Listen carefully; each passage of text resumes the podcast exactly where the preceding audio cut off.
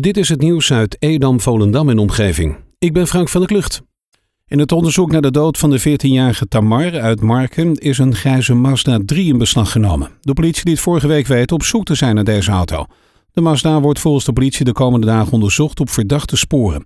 De politie bevestigt daarnaast dat het om de auto gaat waar zij naar zochten. Er wordt onderzocht of de auto inderdaad betrokken is geweest bij de aanrijding en of de eigenaar van de auto ook de bestuurder was.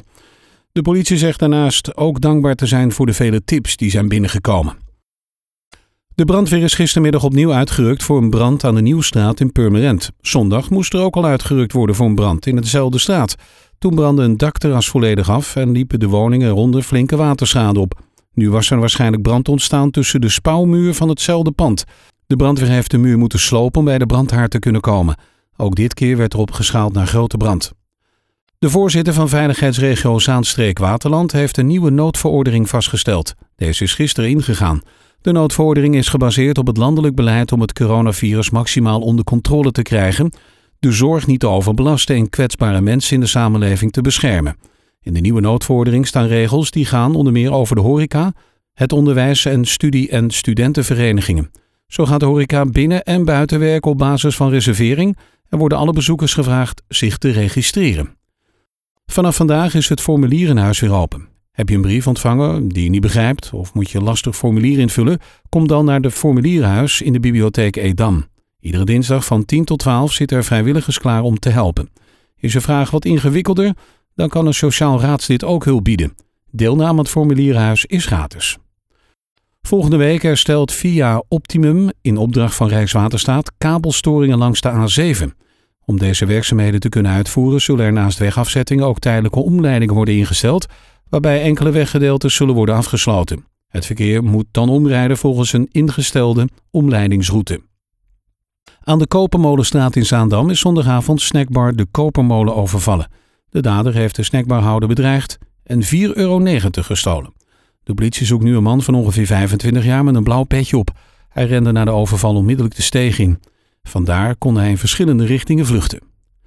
De provincie Noord-Holland voert deze week asfaltwerkzaamheden uit aan de Hoornse Jaagweg en parallelweg in Oosthuizen. Met de asfaltboringen wordt de staat van het asfalt en de fundering in kaart gebracht. De werkzaamheden vinden plaats tussen 6 en 4 uur. Het verkeer wordt om en langs het werkvak geleid. Bussen krijgen hierbij voorrang op het overige verkeer.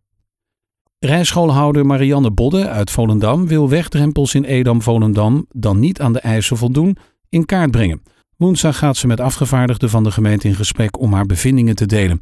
Volgens Marianne liggen in Edam-Volendam tientallen drempels die als niet te nemen hindernis kunnen worden beschouwd. De bodemplaat van haar auto is zelfs door losgelaten. Ze vraagt aan plaatsgenoten om de niet te nemen drempels te noemen, maar het gaat ook de andere kant op, want diverse Volendammers en Edammers komen met suggesties van straten waar ze juist graag een drempel zien komen. Dat schrijft het Noord-Hollands Dagblad vandaag. De filmavond en de logeerpartij op het buitenterrein van zwembad De Waterdam in Volendam is goed ontvangen door de jeugd. Afgelopen zaterdag werden er rond de 20 tentjes opgezet door degenen die bleven slapen. Logeren was echter geen verplichting, want je mocht na wat zwemmen en de film ook gewoon naar huis. Toen de film buiten begon, zaten er dan ook heel wat meer jongeren te genieten dan dat er in die tentjes hadden gepast. Ook diverse ouders waren zeer te spreken over het evenement georganiseerd door Zwembad De Waterdam, Kansrijk Edam Volendam en Lef. Op social media lieten ze weten dat hun kind genoten had en dat het zeker voor herhaling vatbaar is.